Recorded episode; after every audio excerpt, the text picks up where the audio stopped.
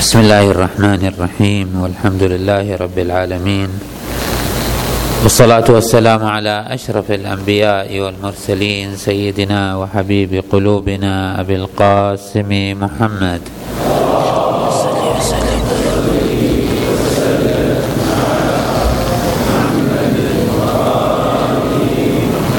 وعلى أهل بيته الطيبين الطاهرين المعصومين الميامين اللهم صل على محمد سيد المرسلين وخاتم النبيين وحجة رب العالمين المنتجب في الميثاق والمصطفى في الظلال المطهر من كل آفة البري من كل عيب المؤمل للنجاة والمرتجى للشفاعة المفوض إليه دين الله اللهم شرف بنيانه وعظم برهانه وافلج حجته وارفع درجته. اللهم اضع نوره وبيض وجهه وأعطه الفضل والفضيلة والمنزلة والوسيلة والدرجة الرفيعة. وابعثه اللهم مقاما محمودا يغبطه به الأولون والآخرون. اللهم صل على محمد وآل محمد الأوصياء الراضين المرضيين بأفضل صلواتك وبارك عليهم بأفضل بركاتك والسلام عليه وعليهم وعلى أرواحهم وأجسادهم. ورحمة الله وبركاته. ثم السلام عليكم أيها المؤمنون ورحمة الله وبركاته. قال عز من قائل بسم الله الرحمن الرحيم. ألف لام را. تلك آيات الكتاب وقرآن مبين ربما يود الذين كفروا لو كانوا مسلمين. ذرهم يأكلوا ويتمتعوا ويلههم الأمل فسوف يعلمون. وما أهلكنا من قرية إلا ولها كتاب معلوم ما تسبق من أمة أجلها وما يستأخرون. صدق الله العلي العظيم. هذه الآيات وفي ضمن نسق قرآني عام. أي أن القرآن الكريم يبني على منظومة معرفية ومنطقية معينة يبني عليها معطياته وافكاره وتصوراته. عندما يتكلم القرآن يجب أن نعيش مع هذا النسق وهذا السياق وهذه المباني لكي نستلهم هذه الآيات وهذه المقاصد القرآنية الشريفة. هذا البناء الذي يتكلم عنه القرآن الكريم الذي يبني عليه القرآن الكريم اولا هو أن هناك سنن إلهية كونية تدير هذا الكون لا تتخلف ولا يستثنى منها شيء.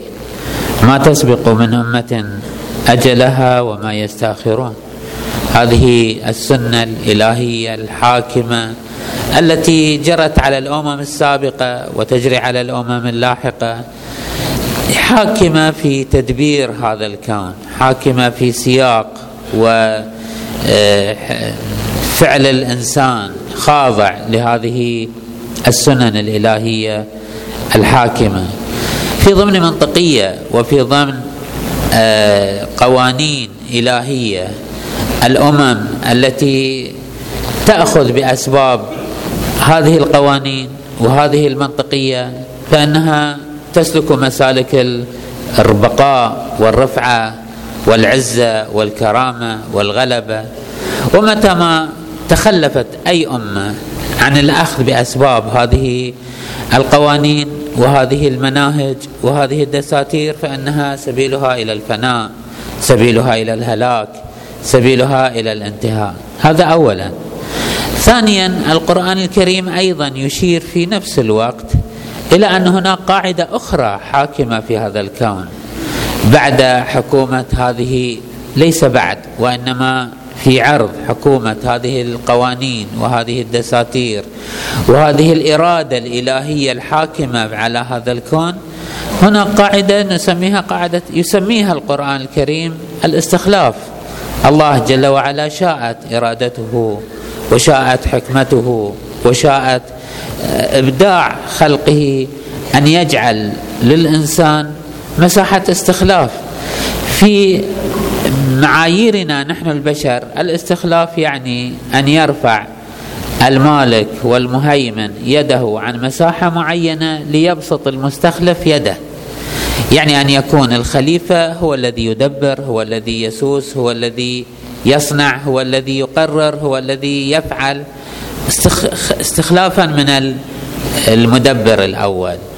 لاحظوا أن القرآن الكريم يحيل هذه المسألة إلى الإنسان.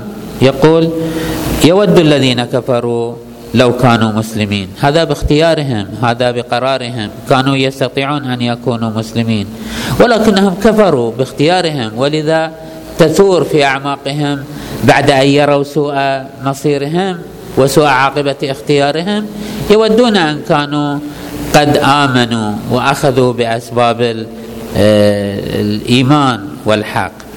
لاحظوا تقرير القرآن الكريم لهذه المعاني وفي أغلب ولذا أقول أنه هذا سياق قرآني هذا آه، ثقافة قرآنية عامة ليست خاصة بمورد معين. في كثير من الآيات تختم بهذه المعاني. يقول الله عز وجل نعم يقول الله عز وجل فقل سلام عليكم كتب ربكم على نفسه الرحمة. هذا التدبير وهذه السنن الإلهية تحكمها الرحمة الإلهية. الله جل وعلا في تدبيره وفي سياسته لهذا الكون كلها تدور مدار الرحمة الإلهية. وهناك كتابة إلهية. كتب يعني جعل قانونا جاريا عاما. لاحظوا الآيات الأخرى. كتب على نفسه الرحمة. يقول الله عز وجل كتب الله لأغلبن أنا ورسلي. إن الله قوي عزيز.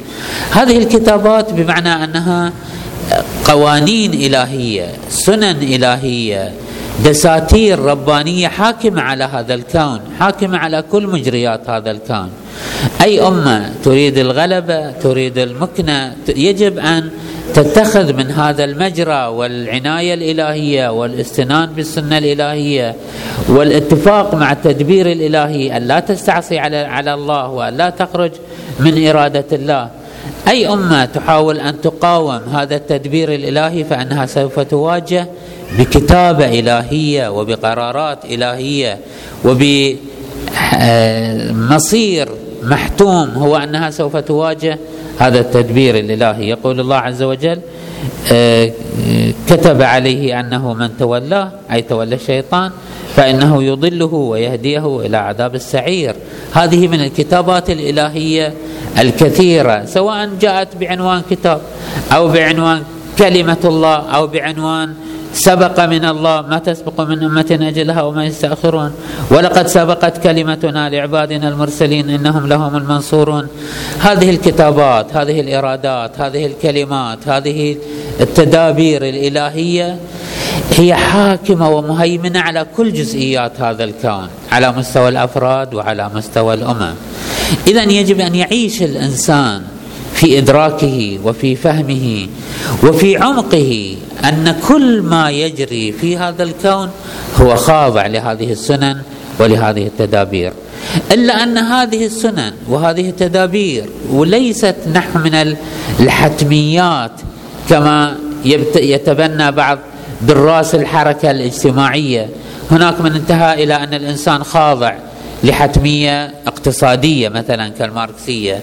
أو هناك من انتهى إلى أن الإنسان خاضع لحتميات نفسية كما مثلا يطرحونه في بعض علوم النفس الاجتماعي من أن الإنسان خاضع لمشاعر غرائزية تحكم حركته. أو هناك من يفهم أن الإنسان خاضع لحركة تاريخية أي أن المجرى التاريخي يفقد الإنسان اختياره وانتخابه للطريق الحق. لا القرآن الكريم في الوقت الذي يقرر في هذه الحقيقة حقيقة أن هناك سنن إلهية وأن هناك كتابة إلهية وأن هناك كلمة سبقت من الله عز وجل لا يتخلف فيها متخلف. في نفس الوقت يؤكد أن هناك اختيار وأن هناك انتخاب بشري وأن هناك استخلاف. أما كيف نوفق بين هذه السنن وهذه القوانين وهذه الحكومات وهذه الدساتير الإلهية الكونية واختيار الإنسان فهذا من الإبداع الإلهي واللطافة الإلهية. ولذا تكون هذه السنن هي في عمقها وفي حقيقتها هي رحمة ربانية وهي لطف إلهي وهي إبداع رباني إذ جعل الإنسان في الوقت الذي هو خاضع لها إنها أشبه ما يكون بهذه القنوات التي تجري فيها المياه. تدافع المياه تدافع ذاتي ديناميكي يعني هي المياه تحدث هذا التدافع. ولكن هذا التدافع بالمحصلة هو خاضع لهذه المسار. طبعا هذا ليس مثالا دقيقا يحكي عن حقيقة الواقع كما هو. وإنما خلاصة الفكرة أنه هذه المشيئة الإلهية في إجراء أحداث هذا الكون تضمنت أن تكون هذه الحركة الإلهية هذه الخلقة الإلهية هذا الإبداع الإلهي هذا الفيض الإلهي جاري من خلال اختيارك جاري من خلال انتخابك أنت. أنت كفرد وأنت كأمة. ولذا نجد أن القرآن الكريم يؤكد على هذه الحقيقة تلك آيات الكتاب. وقرآن مبين ربما يود الذين كفروا. لو كانوا مسلمين. هذه القوانين وهذه الأحكام لا تشفع للإنسان أن يقول يا ربي أنا خاضع لهذه القوانين وغير قادر على الخروج عن هذه القوانين. لا سوف تجد في أعماقك سوف تجد في وجدانك أنك كنت قادرا على أن تكون صالحا كنت قادرا على أن يظهر منك أجمل مما جرى. ولذا نجد أن النفس اللوامة التي تثور في عمق الإنسان تثير في نفسه هذه الحالة ويدرك هو في اعماقه أنه لقد ضيعت وقتي لقد ضيعت فرسي لقد ضيعت ما كان بيدي لقد أتلفت قدرتي وطاقتي فيما كان يجب أن في غير ما كان يجب أن تصرف فيه هذه الطاقة. يود الذين كفروا لو كانوا مسلمين. ذرهم يأكلوا ويتمتعوا ويلههم الأمل فسوف يعلمون. هذا الانقياد وهذا الانسياق وهذا الخضوع لأسباب اللهو والأمل والمتعة هي التي تأخذ بتلابيب الانسان وتكسر صولة عزته وأنفته وكبريائه وتقدمه. اذا خلاصة ما أريد أن أقول هي أن الأمم الشعوب المجتمعات تستطيع أن تنهض وأن تأخذ بأسباب المغالبة مهما كانت المعادلة الاجتماعية مهما كانت الظروف قاسية مهما كانت العملية صعبة إلا أن المجال مفتوح والسنن الإلهية متاحة. وهذا القانون الإلهي لا يتخلف ولا يستثني أحد. أي أمة تريد أن تسير مسار النهضة والعلو والغلبه والمكنة والعزة والشرف والكثرة فإن هذا يدور مدار اختيارها هي يدور مدار همتها ورغبتها وفعلا جديتها في العمل. أخواني أحبتي نحن في هذه الأيام يعيش نعيش أجواء الامتحان امتحان المدارس والأطفال وهذا يعطينا نموذجا صغيرا لهذه المسألة وهو أنه بإمكاننا أن نحول هذه الحركة هذا الأسبوع هذه الأيام التي نعيش فيها حالة من الجد حالة من الضغط النفسي. أن نجعلها حالة طبيعية سوية ليست حالة استثنائية مرهقة.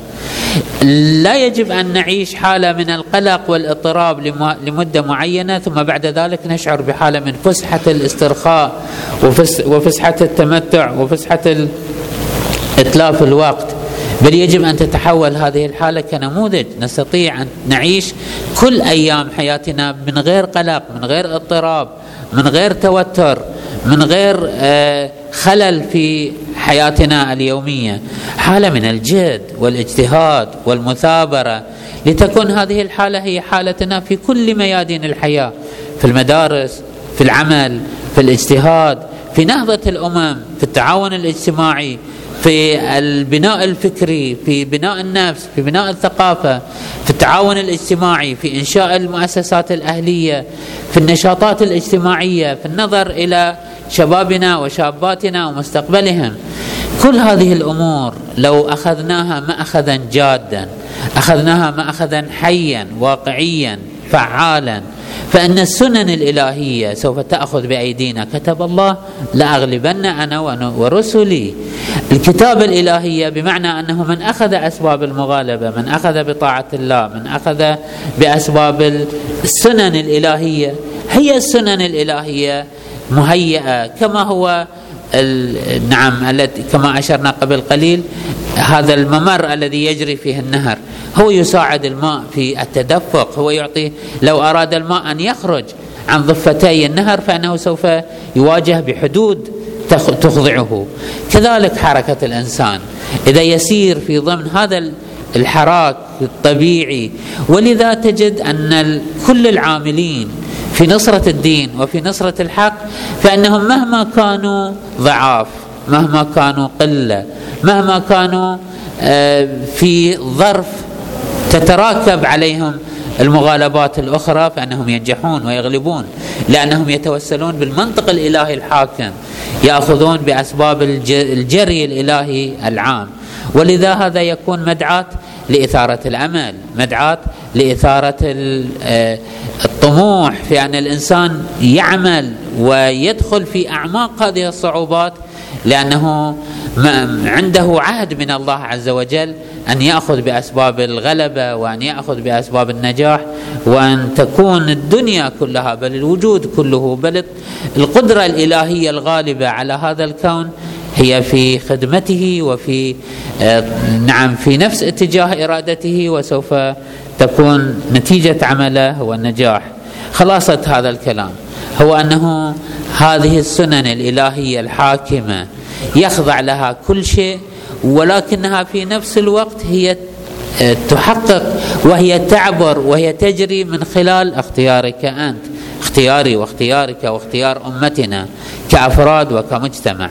وأن هذه الاختيار هو الذي سوف يحدد النجاح والفشل.